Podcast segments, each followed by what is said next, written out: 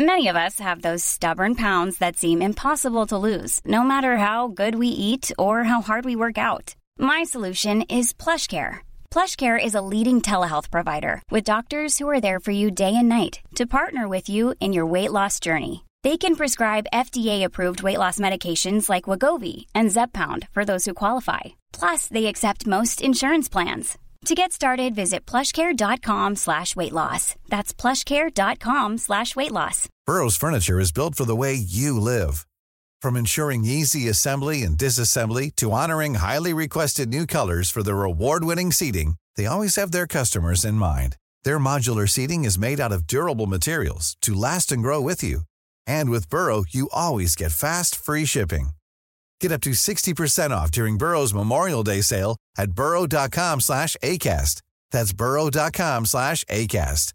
burrow.com slash ACAST.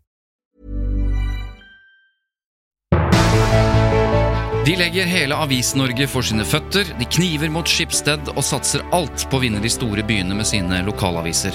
Hva er egentlig den hemmelige planen til mediekonsernet A-media?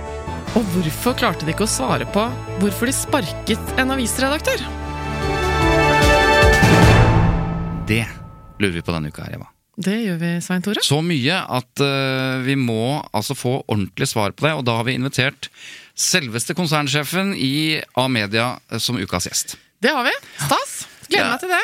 Ja, jeg ser du retter deg litt opp i ryggen. Det- Ja, det ja, er ikke- konserndirektør og greier. Nei, nei, nei. Konsernsjef. La oss ta det med en gang. Ja. Fordi at eh, konserndirektør høres jo Altså, direktør høres jo flottere ut enn sjef. Ja. Sånn er det jo ofte for de som kjenner næringslivet, at det, det sitter en direktør, og under der er det noen sjefer. Ja. Her er det omvendt. Altså På konsernsjef så er det toppsjefen, mens du har mange konserndirektører. Er du med?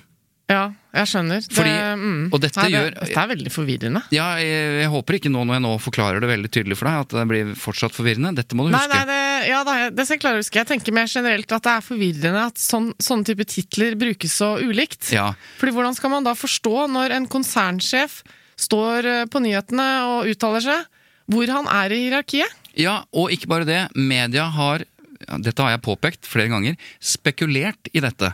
At folk har en oppfatning av at direktør er høyere. Mm. Så har de da, når en konserndirektør, som det kan være fire, fem, seks, sju stykker av, Ja. må gå av, så ser du overskrifter i aviser hvor de bruker bestemt for e- entall, altså konserndirektøren i Statoil, eller hva det måtte være, Ja. må gå.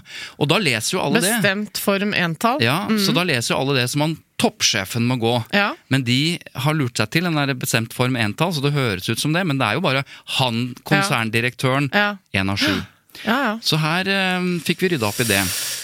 Nettopp. Jeg syns det er for mange redaktører òg, jeg.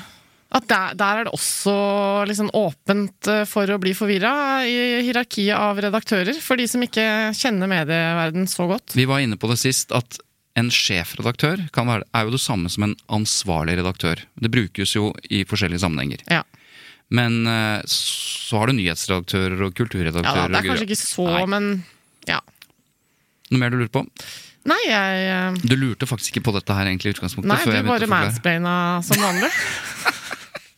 Ok, da, eh, Før vi går på ukas gjest, så eh, må vi da ta en liten runde på hva vi har lagt merke til. Um, Ja, Hva har du lagt merke til, da, Svein Tore? du, jeg syns jo det er eh, i um, Skal vi si den andedammen vi opererer i, og som vi prøver å vise fram for et større publikum, Ja, så skjer det jo Altså medieandedamen. Ja, og hvis du Medie slenger på medie, PR, journalistikk. Eh, politikk, så er det mye artig. Medieeliten. Og en av de som er meget kjent i denne andedammen, det er Sigbjørn Aanes. Som var da eh, spinndoktor og statssekretær for Erna Solberg da hun var statsminister i mange år. Han er nå i First House. eh, Presse... Øh, øh, Hva er tittelen hvis du ikke bruker spinndoktor? Det er da PR... øh, Nei, da er du det er press... korrekt så er han statssekretær Ja. og ansvarlig for media, f.eks. presse. Men eh, det kalles jo ofte da medierådgiver eller presserådgiver eller Jeg er ikke så glad i det spinndoktor-ordet. Det er det i Danmark. Ja, det vet jeg. Ok. Han eh, raser. Eh, og det her tror jeg det er riktig å bruke ordet faktisk raser. Han er ikke bare bitte litt irritert, han, han er litt ekstra irritert. Ja. raser mot NRK i dekning av pendlerboligsaken om Tina Bru. Tina Bru er en stortingsrepresentant for, for Høyre, tidligere statsråd, eh, og kommer med dette fornøyelige sitatet da, som han skriver på Facebook. NRK virker å sause sammen flere ting, og det kan synes som om etikkredaktør Per Arne Kalbakk svimler i gangene eller er på ferie, skriver han. ja. Så han eh, utdyper da at dette her er en frustrasjon han har hatt i lang tid, nemlig at politikere generelt mistenkeliggjøres i stor grad, skriver han.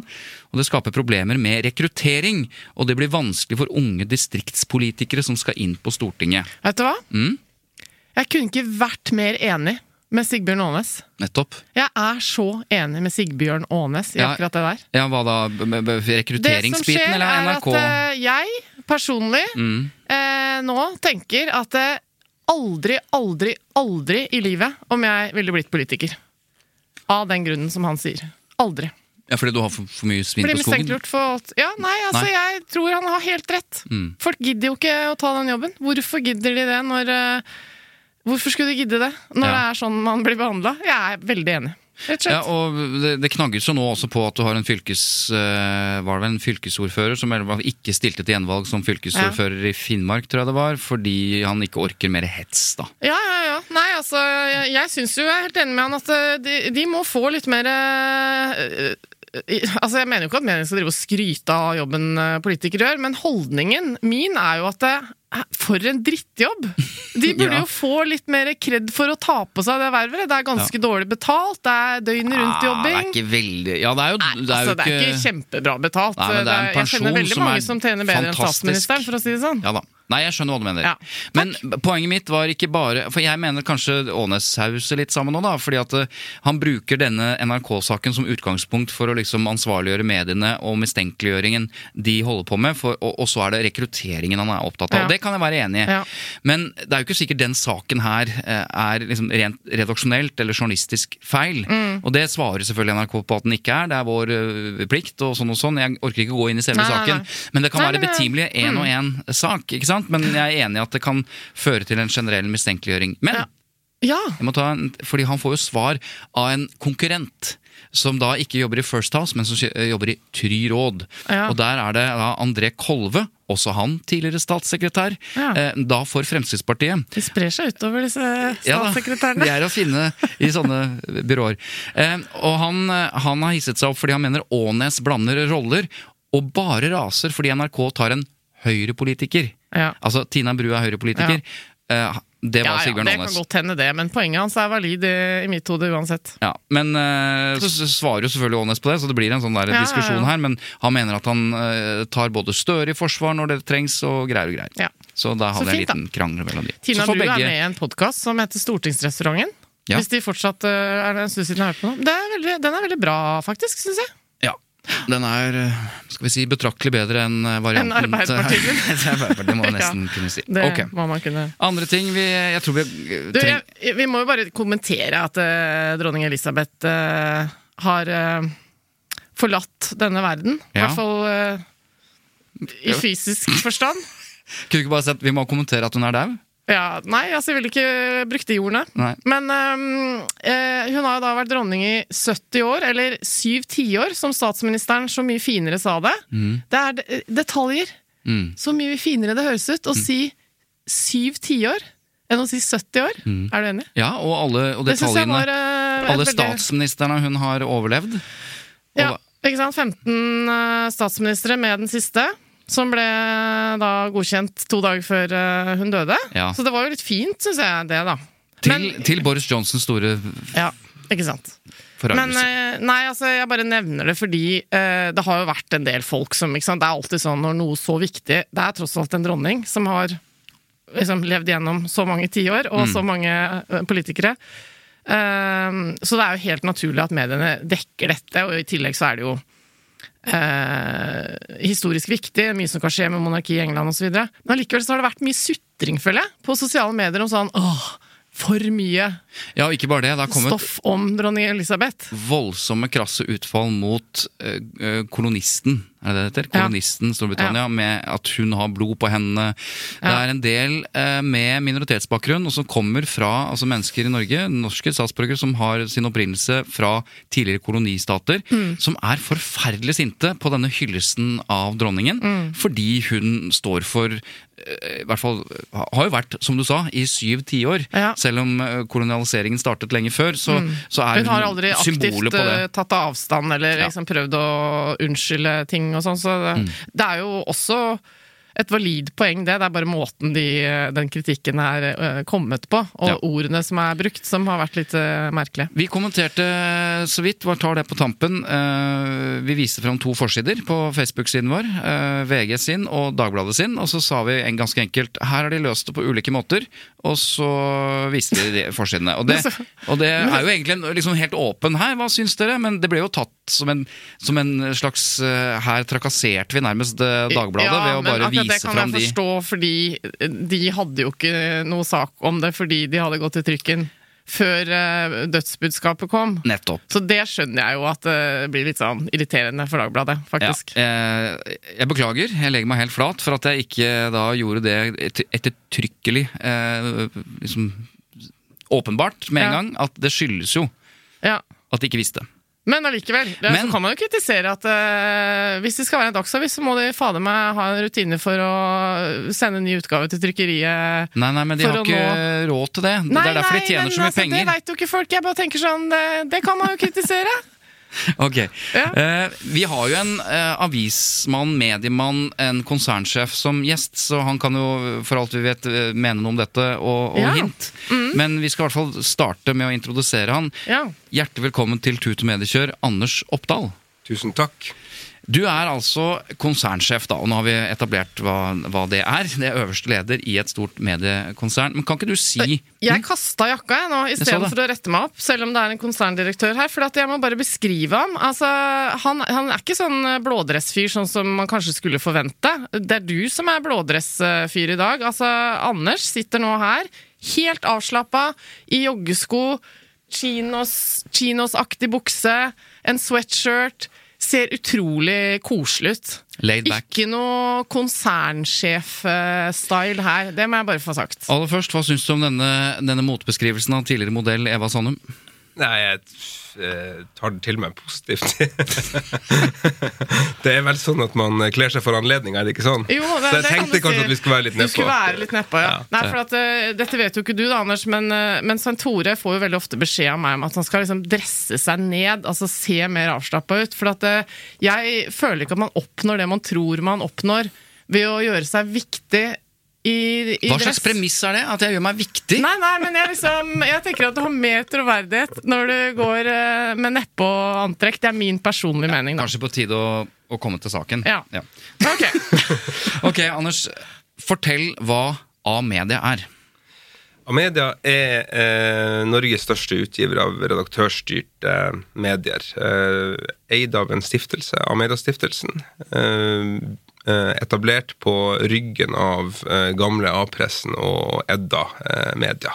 Så det er en sammensmelting mellom de historiske røde og blå lokalavisene som da i 2016 ble, ble lagt inn i en stiftelse, eller det ble etablert et stiftelseseierskap. Ja, for Det som var A-pressen, var jo Arbeiderpartiets eh, partipresse, røde aviser. Og så ble det, eh, som du sier, en fusjon mellom både blå og rød til Ja. ett. Men dere heter fortsatt A-media. Det høres ut som det fortsatt er en A som er sentral der. At dere er tilhører en side. Ja, og det er det jo mange som tenker. Og så pleier jeg å kontre med å si det at eh, litt som eh, Steve Jobs og Apple, A er først i alfabetet. Så, eh, så lenge vi har en god storylining rundt navnet vårt, og det føler jeg at vi har, så tenker jeg at det skjemmer ingen.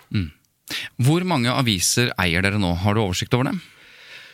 Ja, det er vel... Eller medier, da. Ja, altså I Norge er det vel en eh, hundretalls eh, redaktørstyrte medier. Eh, um, noen og 90. Det kommer litt an på hvordan du ser på selskapsstrukturene og hvordan du, du gjør ting. Men, men rundt 100 i Norge, da. Det er en lang liste. Jeg sitter med, Medietilsynet har jo en oversikt eh, på sine nettsider, så jeg sitter med en lang liste foran meg her. Ja, den er Av lokalaviser som jeg ikke har hørt om engang. Ja, for det er både stor, og det er litt, Kan du si litt om altså, Dere har jo nå en, en ganske sterk satsing på byene, men det fins jo eh, altså, veldig mange, som Eva sier. Du har, det er et par av de. Kan ikke du ta et navn som du ikke har hørt om? Eh, det var så liten skrift her. Uh, Det ja, ikke Vefsen.no.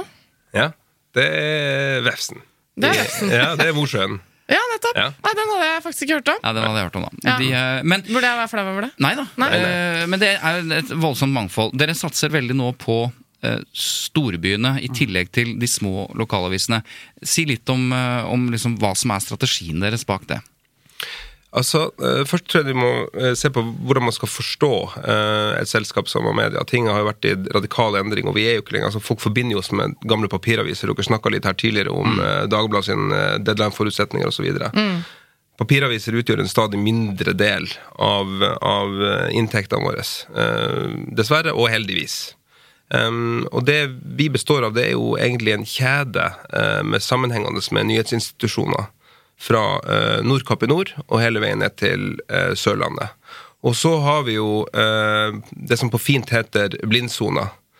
Og de typiske blindsonene for A-media har jo vært i de store byene, som typisk har vært eh, Skipsted eller Polaris sitt, eh, sitt domene. Ja, Det som vanligvis ja. snakkes om som regionsaviser. Bergens Tidende, Adresseavisen, Fedrelandsvennen, også disse. Riktig. riktig. Vi har nummer to-aviser, men, men, men, men vi har ikke nummer én-posisjon i de byene.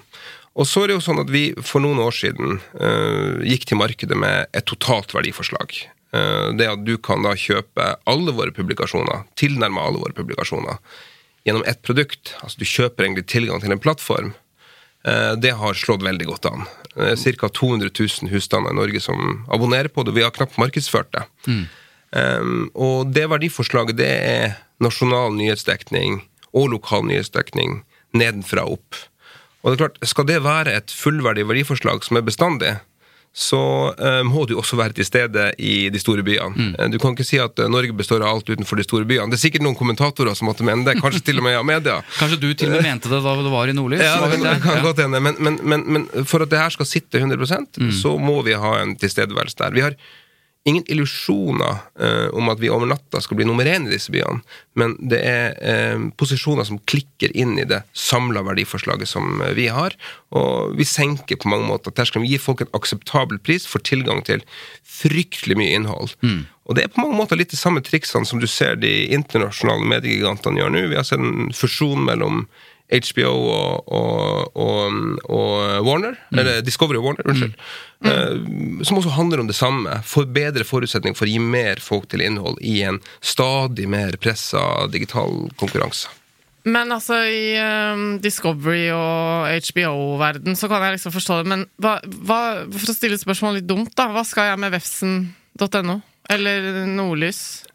En, en typisk leser hos oss uh, Historisk sett så solgte vi jo én og én avis. Og det koster jo relativt eller koster relativt mye for tilgang Ja. på, på en papiravis. Og så Ja. er de digitale abonnementene litt billigere. Typisk så har en, en, en innbygger i Norge uh, relasjon til to, tre, fire aviser. Ja. Ikke alle sammen. Men hvis du da klarer å få tilgang til to, tre, fire aviser som er relativt viktig for deg, til prisen av én, og så får du i tillegg eh, tilgang til alt dette andre, så er det jo en hygienefaktor i det. Eh, det andre er jo det at ved å gjøre det på denne måten, så kan vi fremstille produkter sammen med avisen der ute, som kanskje gjør det lettere å få tilgang på saker du ikke visste du ville lese, Ja. f.eks. i Ja. vefsen.no. Eller en leder eller kommentar eller ja. Eller en leder eller en kommentar. Ja. Og det er et sånt grensesnitt som vi, eh, vi jobber med. Mm. Og så eier dere da Nettavisen, som er, som er den eneste nasjonale nyhetsmediet det vel strengt tatt eh, har i denne Nei, vi har Nasjon også. Ja, det er sant. Ja. Gjennom Tun Media. Det er ikke så lett å orientere seg når dere kjøper så voldsomt mye. Ja, ja vi, vi, vi, det, det, det, er ikke, det, det er ikke lett å holde oversikten bestandig. Er det det som egentlig er eh, konsernsjefjobben? Å drive og kjøpe nye aviser hele tida? nei det, det som mange har fått med seg, så er det, er det mye rart, det. Eh, men mitt, eh, mitt hovedansvar handler jo egentlig om å sørge for at vi leverer på en langsiktig strategi. Ja. Men du, jeg må bare spørre, vi er jo ikke en reklame Dette er jo ikke en betalt annonse for Amedia, hvis noen lurte på det. Men hva koster dette abonnementet, da? Hvis jeg vil ha hele smøla Ja, det koster 249 i måneden. i måneden. Og da, får jeg du tilgang 70 til aviser. Si Da får du 70 aviser, det blir flere. For vi har holdt noen utenfor, og det handler rett om tekniske implikasjoner og litt konkurranseflate og sånt. Men det er ting som vi jobber med. Hvis jeg da kjøper det, Eh, Så det kan koste omtrent hva det vil for meg. Enda viktigere er er det samme innloggingsplattform. Ja. Jeg blir gal av sånn der eh, hver gang jeg trykker på Ja. noe nytt, så må jeg med nytt passord og Svaret er ja. ja. Men du Selv må om jeg kommer fra sosiale medier. Ja, så Hvis du har logga på med, gjennom eh, Facebook, så har du, er du jo pålogga i det. Ja. Men det du Ja, da dette begynner å ligne noe, synes jeg. eh, For å understreke at det ikke er reklame. eh, Det du da ikke har, er at du har jo ikke tilgang til VG og alle Skipsstedavisene, Stavanger Aftenblad, Adresseavisa, Bergens Tidende Altså, dette er jo og bare for å illustrere det, dette er de to aviskonsernene eh, Anders, som kjemper mot hverandre. Men Selv om vi samarbeider mer og mer i dette landet, så Ja. er det liksom Skipsted, Ja. A-media, konkurrenter. Ja, og Skipsted er Aftenposten, VG, E24, eh, Bergens Tidende, Askøyværingen, eh, tilfeldigvis, eh, Bygda Nytt eh, ja, de har også lokalaviser, men de er jo mest i de store byene. Vi skal komme tilbake Ja. til Oslo, men kan du ikke fortelle litt av dette, dette forholdet mellom A-media og Skipsted? Så vi forstår det. Ja, Sett altså, fra ditt synspunkt, selvfølgelig. ja, og så bare ille til å si, Det er jo et tredje mediekonsern i Norge også som, Polaris. som heter Polaris. eh, som ledes av Per Aksel Kokk. Han har gjort en utrolig jobb med å danne det konsernet. Og der er det jo sånn at Schibsted er en stor, stor eier, bare for å rydde opp i landskapet. Ja, Så, så man... så det er også så er det, er det Schibsted, og så er Polaris også et, et, eh, viktig mediekonsern i Norge, men hvor Schibsted da er en stor aksjonær. Og så må man nevne at eh, Dagbladet er aleine i alle media i avisverden. Sånn, bare så det er sagt også. Det er riktig. Ja. Men, men fortell om dette konkurranseforholdet mellom Skipsted og A-media. Nei, altså, jeg tror det er konkurranse altså, eh, Vi samarbeider jo mye, og det er nesten helt nødvendig. Eh, Og det har vært historisk sett mye samarbeid også. Det å f.eks. drive og kjøre dieselbil land og strand rundt eh, for å få ut aviser, det er jo ikke noe hensikt å kjøre om kapp. Man kan jo heller kjøre én bil sammen, ja. Ikke Som sant? trykkerisamarbeidet vi har sett uh, tidligere. Et cetera, et cetera. Ja, vi har jo ikke sett det, alle, Nei, alle nei, I historien har vi sett oh, ja, sånn, ja, ja. For det er sånn at eh, avisene, de store avisene begynte å samarbeide og Ja, ha felles trykkeri istedenfor å ha hvert sitt trykkeri. Så smart, da. så, men, men det er klart, i, i, i lesemarkedet og i, i annonsemarkedet så er det skarp konkurranse. Og da er det jo eh, bra, tror jeg, og eh, flott at man har to eh, store, robuste aktører mm. som, som kjemper i det samme markedet, som har en litt ulik bakgrunn. Og har en litt ulik strategi og litt ulik tilnærming til, til, til markedet. Og det er det vi som ser spille seg ut i, ut, i, ut i Norge. Det er en sunn og kraftfull konkurranse. Og jeg må jo si de siste årene, det har jo vært en vanvittig investeringsvilje i norske mediehus. Altså En ting er hva vi har gjort, og hva Skipsted har gjort, også i Polaris og i Aller. Og det har jo ført til eh, forhåpentligvis eh, flere bærekraftige prosjekter og mer mangfold på sikt. Men eh, hva kaller dere Skipsted på bakrommet når dere omtaler Skipsted? Nei, altså eh, Vi har jo, eh, har jo har kallenavn på det. Nei, vi har ikke, har ikke kallenavn på det. Det har vi ikke. Eh, men, men, eh, men eh, ja. Dere har ikke så voodoo-dokker? Nei, han er i ferd med å svare. Det er et eller annet her. Nei, nei, nei, nei, nei, nei, nei, det, nei, det er overhodet ikke. Altså, vi har respekt for, stor respekt for Skipstad, altså, men jeg hadde en gammel, gammel kollega, en gammel venn da, som har kjent A-pressen veldig godt. Og nå er det jo sånn at vi er i en annen kontekst i dag. Men uh, han pleide å si, han, uh, han bor her i Oslo, han pleide å si det at eh, du veit, Anders, eh, vi er i rød, de er i blå. Så det er liksom det nærmeste du kommer, da. Og så er i dag ikke det en realitet. Eh, Amedia består jo i, i, i, stor grad av uh, borgerlige, historisk borgerlige aviser, sentrumsorienterte aviser. I tillegg. I ikke til- sant? i tillegg, ja. Ikke sant? Men, men, det er, men det er jo det.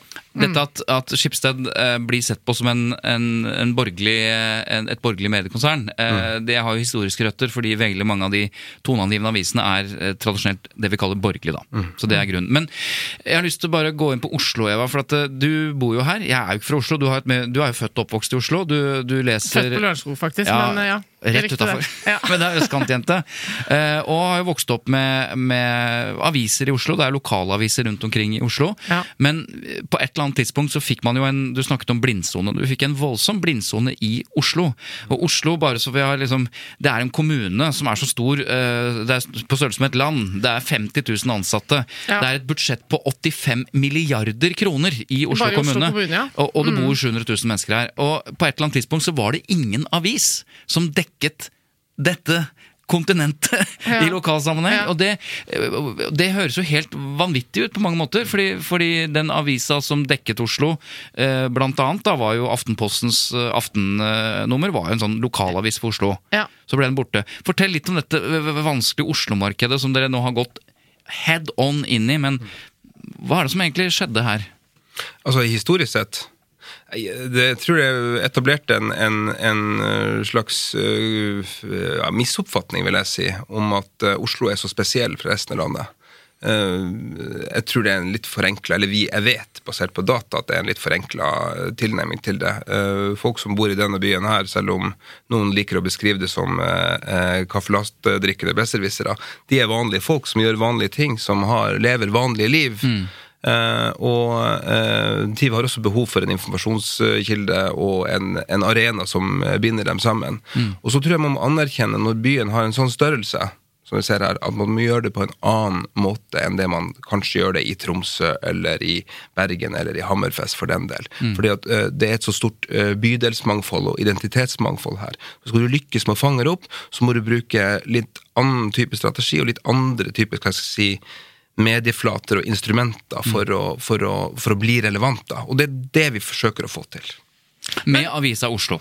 Avisa Oslo, og så har vi jo må få med dere det her da, vi har jo kjøpt jo Asker og Bærum Budstikke, eh, som har en tung leserskare inn mot, eh, inn mot Oslo. Det er vel din Eh, lokalavis? Ja, det er min lokalavis. Ja, eh, så kjøpte vi Akersposten, som er i, på Oslo vest.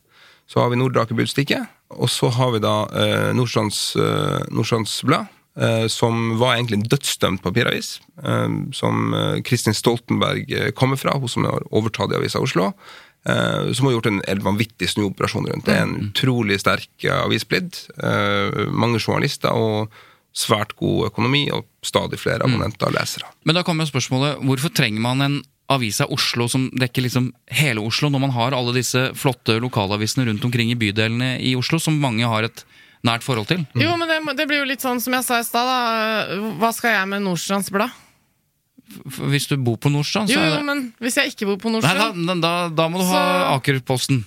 ja, ikke sant? ja, Så det blir jo litt det derre Hvem skal gjøre hvilken jobb, da? Ja, og, eh, men poenget mitt er bare at det består av mange lokalaviser. Hvorfor ha den der Avisa Oslo, eller Oslo som bare er som Stor-Oslo, eller hva du kaller det, som har vist seg å være nesten dødsdømt? Det, det, Ja, går jo ikke. Altså, det er jo landets hovedstad, Svein Tore, vi snakker om. Det er jo her Er det ikke her eh, det er størst forskjell på rik og fattig? Er det ikke her det er flest nasjonaliteter eh, representert? Mest mangfold? Jo, jo. Største sykehusene? Jeg ler bare for jeg har prøvd to ganger å spørre han om det.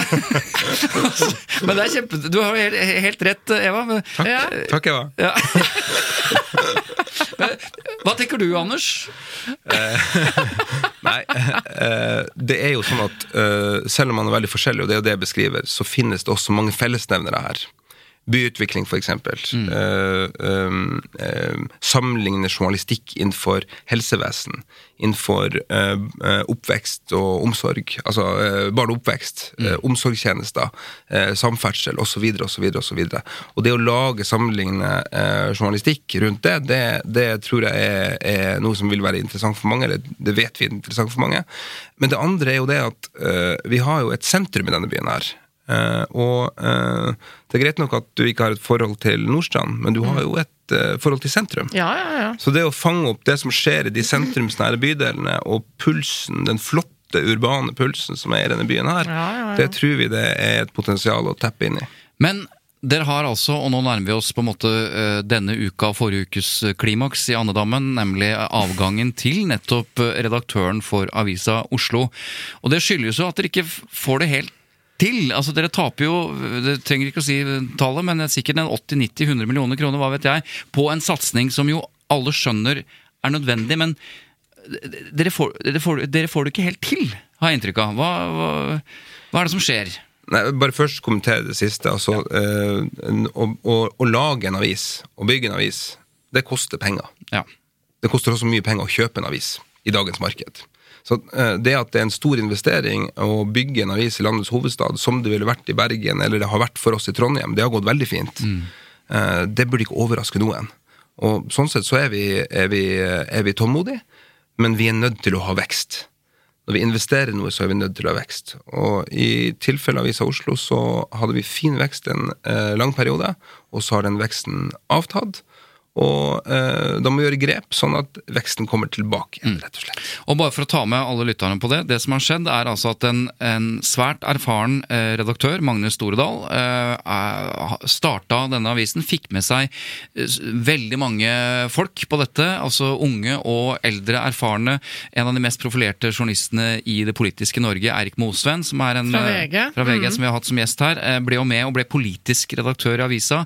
Eh, Fawad Fawad debattredaktør, ja. kom også fra VG. Ja, så, og, og veldig mange flinke journalister. Så, så Og det å han har jo mye skryt for å sette i gang interessante Oslo-debatter. Så det er jo kanskje noe av det som har festet seg godt, vil jeg si. da. Men Ja. nå er jo vi kanskje en del av den andammen, så kanskje vi får med oss mer av det igjen. Men det har ikke gått Eller du sier det selv, at det, det, det flatet ut den veksten dere er avhengig av. Og så eh, våknet vi opp, da, eh, eller så i medie, eller bransjemediene, at denne redaktøren, som jeg skal legge til, eh, åpenbart er svært populær, eh, og, og veldig, veldig mange holder han høyt.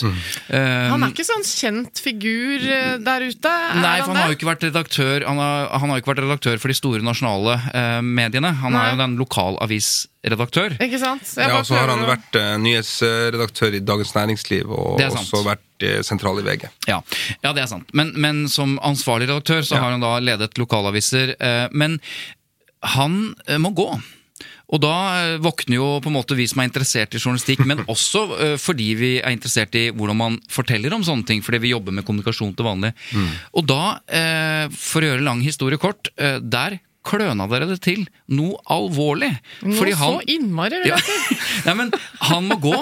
Og, og de som er ansvarlig for at han må gå, altså de som tar den beslutningen, du da i siste instans, eller en styreleder som skal uttale seg om det, forteller ikke hvorfor. Hva, Nei, det var strykkarakter på kommunikasjonseksamen. hva skjedde, Anders Oppdal? Altså, det ligger utrolig mye altså Det høres så generisk ut, læringspunkter og læring i det, men det, det gjør faktisk reelt sett det. eh, I denne noteringa her. Nei, altså Det som skjer, uh, er jo at uh, verden, er, altså, verden er brolangt med gode intensjoner. Det hjelper jo ikke hvis resultatet blir Nei.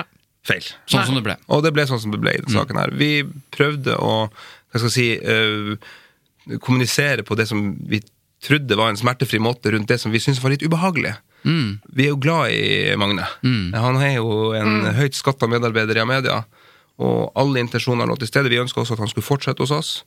Um, og det er alltid brått og kjipt når, når, når en leder må gå, uh, og, og den type valg blir tatt, men istedenfor å være eksplisitt på det, som ville vært ryddig og ville avmystifisert det hele, så valgte vi da, i den gode hensikt, å, å, å pakke det inn.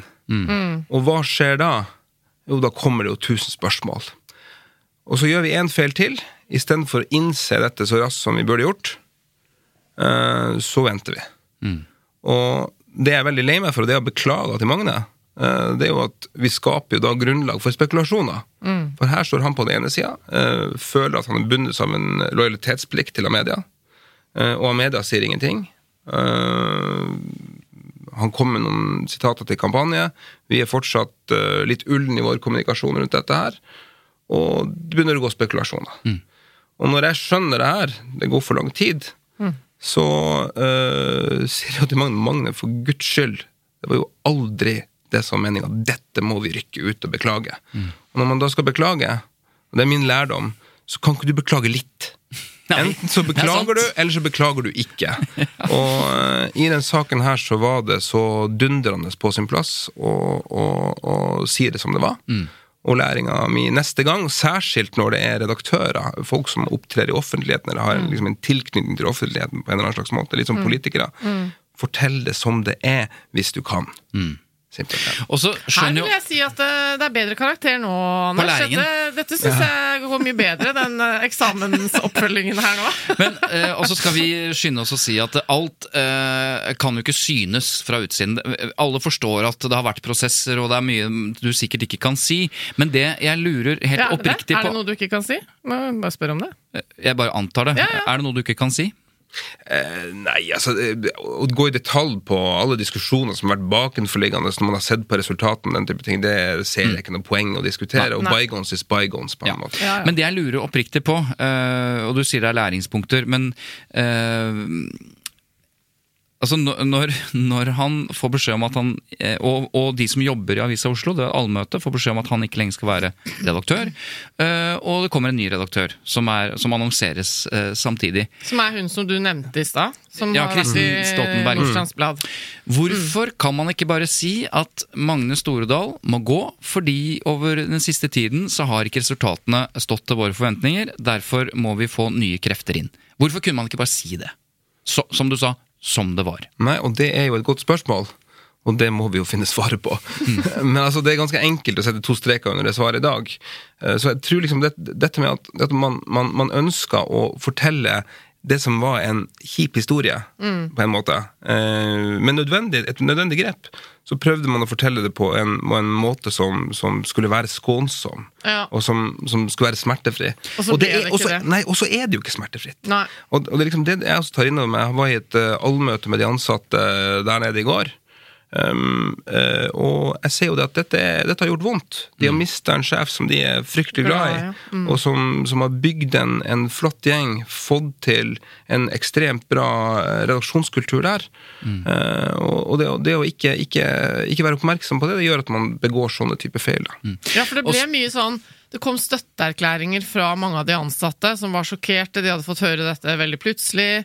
Eh, og så ble mediedekningen litt av litt sånn protestpreget også fra de ansatte.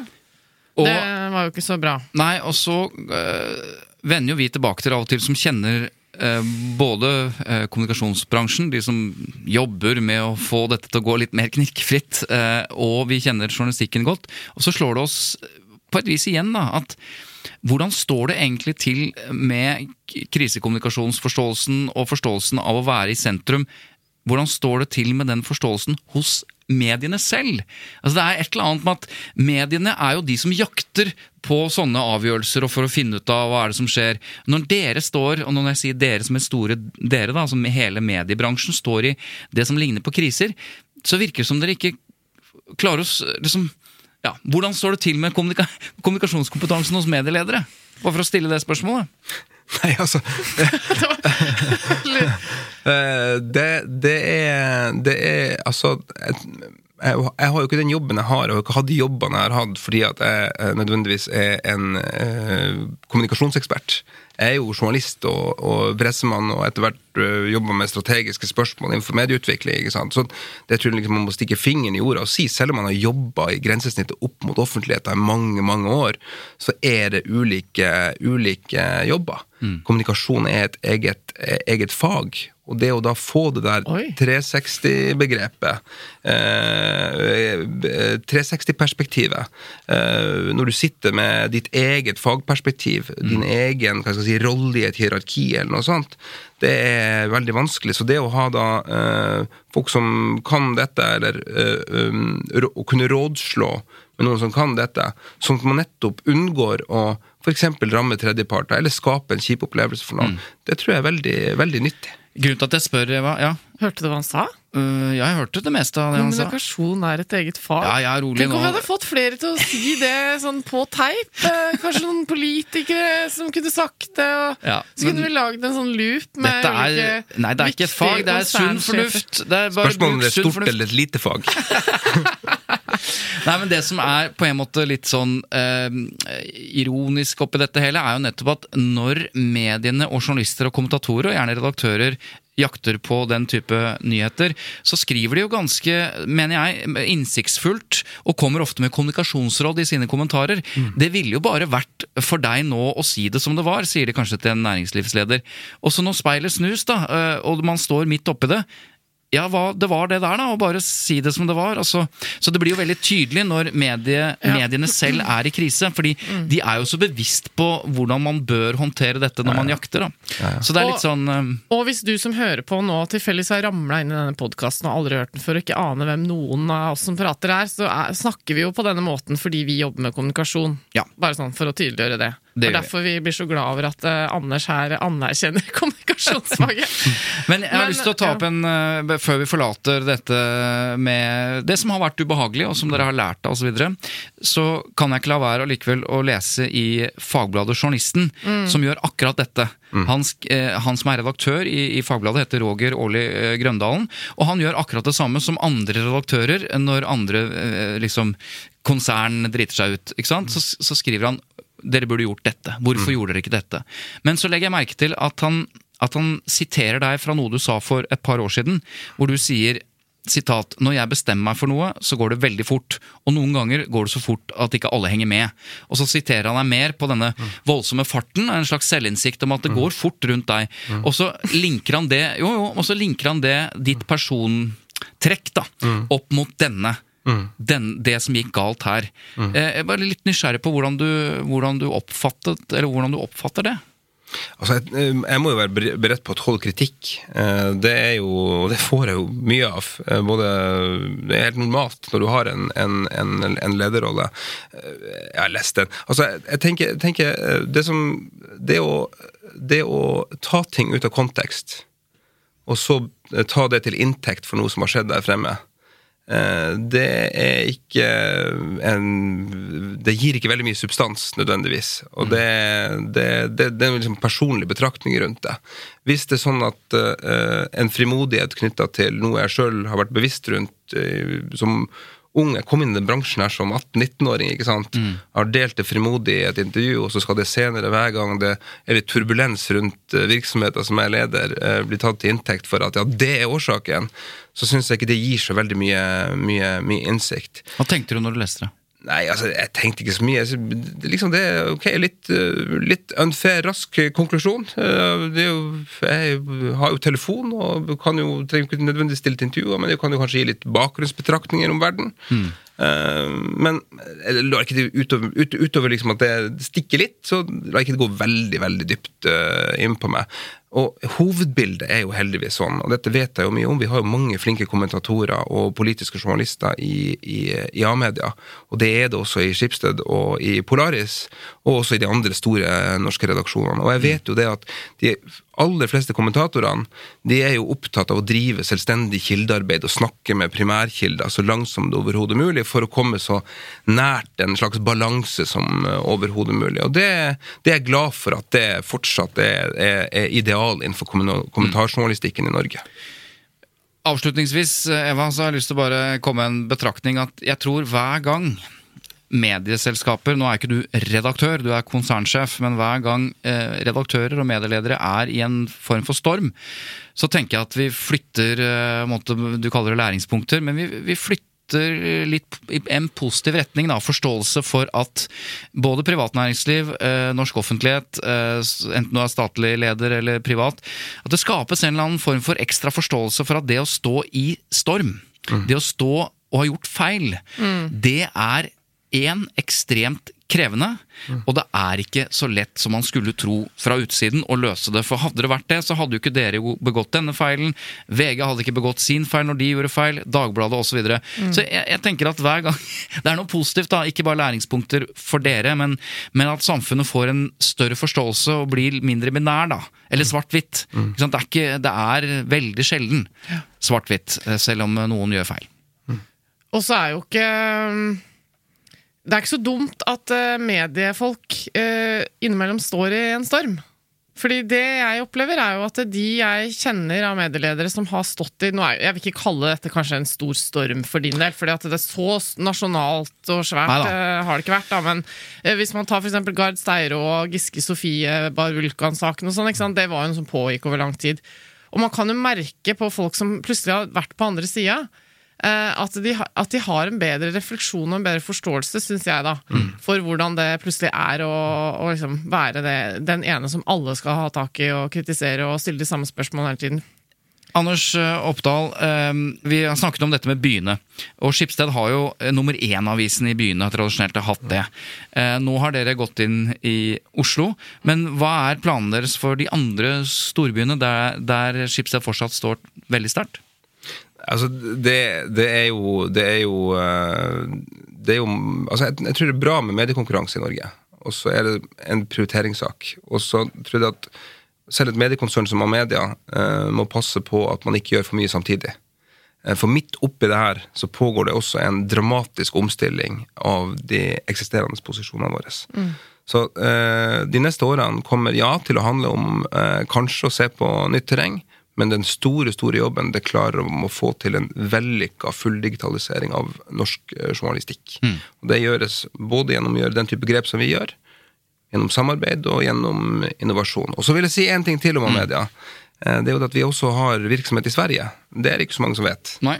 Eh, Så vi samarbeider tett med, med, med Bonnier, eh, hvor vi også har et eh, 50-60-talls eh, lokalaviser borte bort i Sverige. Så når jeg skal bort fra dere nå, så skal jeg gå og forberede styremøte i Bonnier News Local, hvor da også Amedia er en, en sentral. Nettopp. Så det brer, brer om seg også, Ja.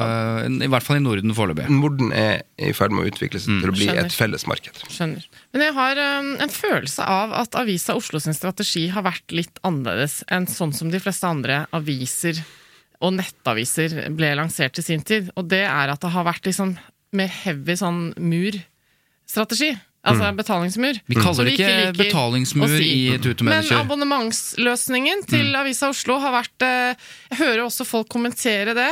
Mer eh, liksom, offensiv, da. Altså du får mindre sneak peek av saken. Sånn at uh, du må rett og slett eh, betale for å få noe som helst, nærmest, av saken. Mens andre pleier å la deg lese, og da, da kan, det kan man også si at det er irriterende, for da har du liksom gått i gang, og så kommer den derre du må betale for å komme videre. Men, uh, men er det riktig? Altså, at, er det en strategi som har vært bevisst? Ja, altså det, er jo en, det er jo måten vi har gjort det på i, i resten av landet. Og det, har jo, Det er ikke bare Avisa Oslo. Det er Nei, sånn. det er gjennomgående over hele, hele fjøla. Også, så det har jo fungert utrolig, utrolig godt. Og det vi vet, da, um, er jo det at når vi treffer godt med innholdet vårt, Ja. Så er betalingsviljen også, også veldig høy. Ja. Så jeg tror jobben for Avisa Oslo i, i årene som kommer, eh, det kommer til å handle om å finne denne her tonen, Ja. treffe Ja, fordi- med, med innholdet. Og, og, og, og det er gjort en utrolig god jobb nå. Utrolig flinke folk. Eh, men, men det fortsatt eh, vil det handle om å jakte på det. Hva er, hva er DNA-et i den byen her som gir oss vekst? Rett og slett. Det fins, men det må identifiseres. Inntrykket mitt er jo at eh, det eneste som er åpent altså for, for å lese hele saken, er sånn hendelsesnyheter og sånn. Det er sikkert en del av det. Um, og så er bare min hypotese da at eh, ettersom uh, alt det som vanligvis deles i sosiale medier, da, så i hvert fall i min verden, så er det jo ofte med, det, er, jo- det er jo sjelden man deler en eller annen nyhetssak om en hendelse. Det er mer sånn kommentarer og meningsstoff, ikke sant? Og man deler jo kanskje sjeldnere ting man vet er eh, abonnementssaker, fordi det er irriterende for vennene å liksom bli frista av noe som jeg syns var bra. Og så kom, Det ser man jo ofte at ah, det, men faen, det er bak mur blir liksom kommentarfeltet fullt av hvis man deler det. Så Derfor så føler jeg kanskje også det, Dette er bare sånn jeg bare tenk litt høyt nå, men jeg blir sjeldnere eksponert for Avisa Oslo sitt innhold i sosiale medier. Fordi jeg er jo, det har jeg sagt før, en person som Jeg er ikke sånn kjempestolt over det, men Facebook er jo ofte min uh, inngang til Din mye av det nyhetsstoffet jeg leser. da Eller det journalistiske innholdet. Fordi jeg- det bare liksom venner av meg poster ting og sånn. Så jeg bare tenker litt det at uh, jeg ser sjeldnere Avisa Oslo sine ting. Rett og slett. Hva tenker du om det, Anders? Nei, altså det, Jeg kan ikke algoritmer bak eh, Evo sin, eh, sine sosiale medieprofiler her. Jeg, tror, jeg ser Avisa Oslo fryktelig mye. jeg, For min del, så, Å, sier du det? så, så, så det, det, det kan jeg ikke svare på. Men det er bare én ting jeg har lyst til å si om akkurat det der. Og det er en liten sånn refleksjon rundt det. Vi går nå inn i økonomisk eh, mørke tider. Det kommer til å bli mer krevende. Eh, Du snakker nå om Norge og om verden. verden og Norge. øh, Ikke A-media. A-media, Skipsted, mm. Polaris, TV 2, you name it. Sant? Alle kommer til å merke det at vi har en makropolitikk som handler om å få ned spenninga, rett og slett. Vi skal bremse ned, ikke sant. Og eh, en av de tingene som kommer til å skje, det er vi kommer til å få et mye tøffere annonsemarked.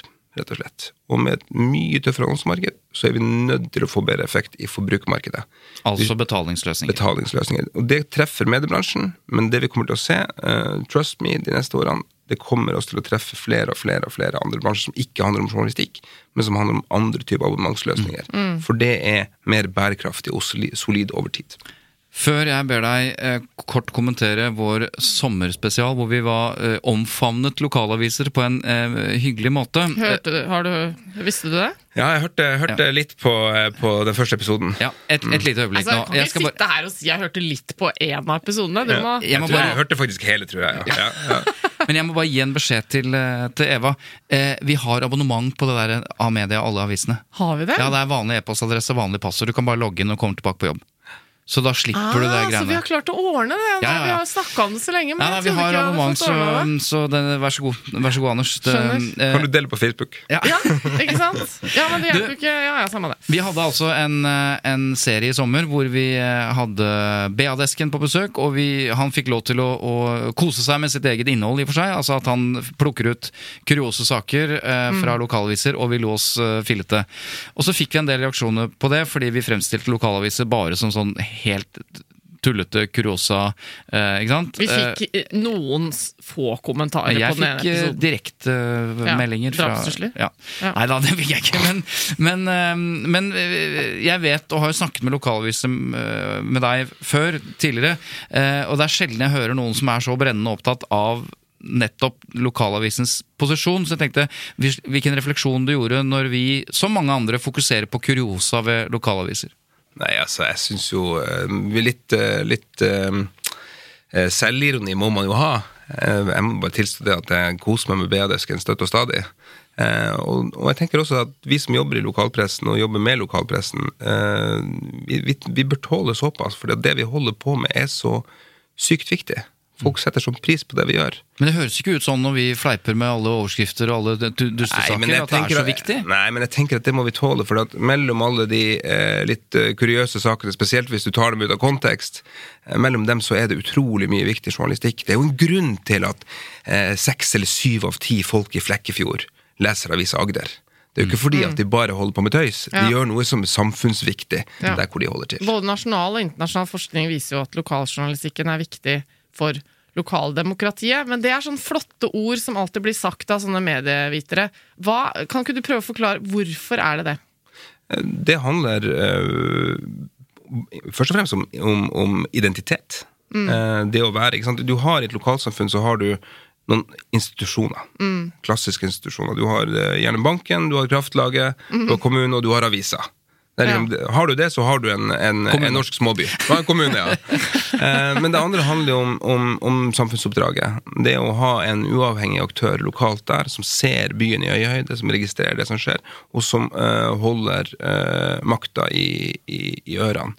Og det her har jo jeg sett litt på nært hold. Det blir anekdotisk, da, men eh, jeg er jo finnmarking. Og eh, har jo sett at det er en opplevd tendens til at de samfunnene som ikke blir betjent av en uh, tilstedeværende presse, der skjer det litt andre typer ting, eller det får lov til å skje litt andre typer ting, enn det gjør i en sted hvor du har en, en, en, en avis eller, en, eller NRK for den del. Sånn at den lokaljournalistikken den har, i tillegg til å gjøre alle disse patosordene, så har den rett og slett en litt siviliserende effekt på, på samfunnet. Og det tror jeg er viktig. Og det kommer bare til å bli viktigere fremover. Altså, De redaktørstyrte mediene er under press. Eh, og det bekymrer meg hver eneste dag. Vi har en eh, kakofoni av informasjon som handler om eh, enkeltmenneskers meninger og uttrykk over en lav sko. Og du skal jo være sjukt trent som individ eller som konsument for å liksom få bort støyen. Hva er viktig, hva er rett, osv. Og, så og det å da kunne forholde seg til noen som faktisk har sånn fag å rydde unna rotet, Ja, prioritere prioritere, det tror jeg vi trenger. Og med det, eh, som var en fin avslutning på eh, dette intervjuet med konsernsjefen, ikke direktøren, eh, i A-media, Anders eh, Oppdal, så er vi ferdige Eva, med, med denne ukas eh, episode. Ja, eller jeg har lyst til å stille ett siste spørsmål. Det har du som regel. Jeg har det. Kan, kan ikke du si noe som ikke er, noe, ikke er bra med A-media, siden du har fått lov å sitte her og skryte så mye? Ja, det er Vi, vi har jo, vi har jo snakka om en sak som ikke var så bra. Ja. Har vi ikke det? Jo, men nå, en, en ting til. Eh, en ting til? Nei, jeg kan ikke snakke om Eller noe du har lyst til å gjøre bedre, forbedre, noe som gjør så ikke det blir sånn eh, bare sånn. Eh, Ja, nei, men så det er vi En kjempestor bekymring er uh, Klarer vi uh, omstillinga raskt nok?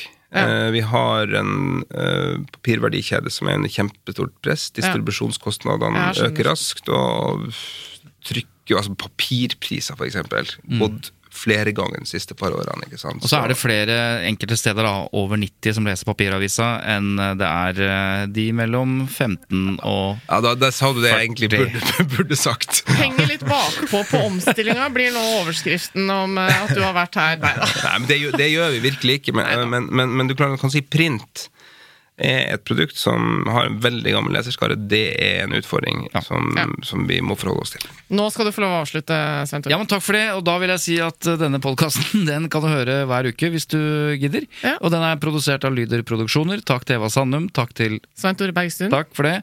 Eh, Jeg skal bare ta en liten presisering. Eh, Vi rekker ikke noen lytterspørsmål, men det skal vi ha flere av neste uke. Ja. Men vi har fått en, en presisering fra forrige ukes Ja, det har vi podkast. vel. Ja. Eller, eller uka før der enn det handlet om Baneheia. Ja. Så vi skal bare ta den. Eh, og den er veldig presis, da. Hei, etter 39 minutter i forrige podkast sier dere om Eivind Pedersen.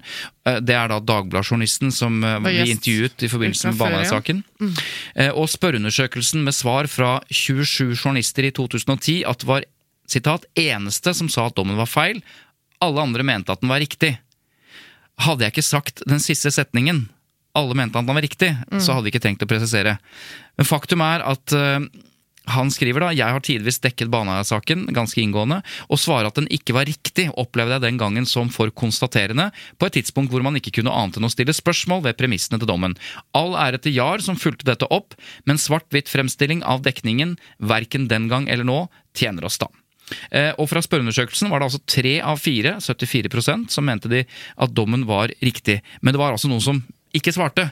Uh, Så derfor er det ikke at, Ja, den ja, det- eneste med, at det han var den eneste som sa den var Ja, riktig. ja, ja. Jeg husker eh, Fordi- i underlaget at uh, det var ikke så mm. Ja. Ja, Så da har vi tatt bra, det. Ja. Så flinke lyttere vi har, som sier ifra når ting er feil, og hjelper oss med å rette opp og sånn. Ja. Kjempebra. Det trenger vi hjelp til. Eller Ja. vi kan alltid, det er læringspunkter Anders Oppdal, i alle kriker og kroker. Overalt. Takk for at du kom. Takk. Vi ses om en uke, da. Ja, vi gjør det.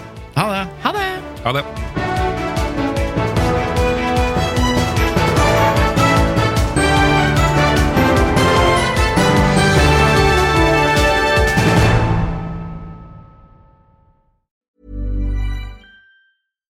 Flexibility is great. That's why there's yoga. Flexibility for your insurance coverage is great too. That's why there's United Healthcare Insurance Plans. Underwritten by Golden Rule Insurance Company, United Healthcare Insurance Plans offer flexible, budget friendly coverage for medical, vision, dental, and more. One of these plans may be right for you if you're, say, between jobs, coming off your parents' plan, turning a side hustle into a full hustle, or even missed open enrollment. Want more flexibility? Find out more about United Healthcare Insurance Plans at uh1.com. Even when we're on a budget, we still deserve nice things. Quince is a place to scoop up stunning high-end goods for 50 to 80% less than similar brands. They have buttery soft cashmere sweaters starting at $50, luxurious Italian leather bags, and so much more. Plus, Quince only works with factories that use safe, ethical, and responsible manufacturing. Get the high-end goods you'll love without the high price tag with Quince. Go to quince.com slash style for free shipping and 365 day returns.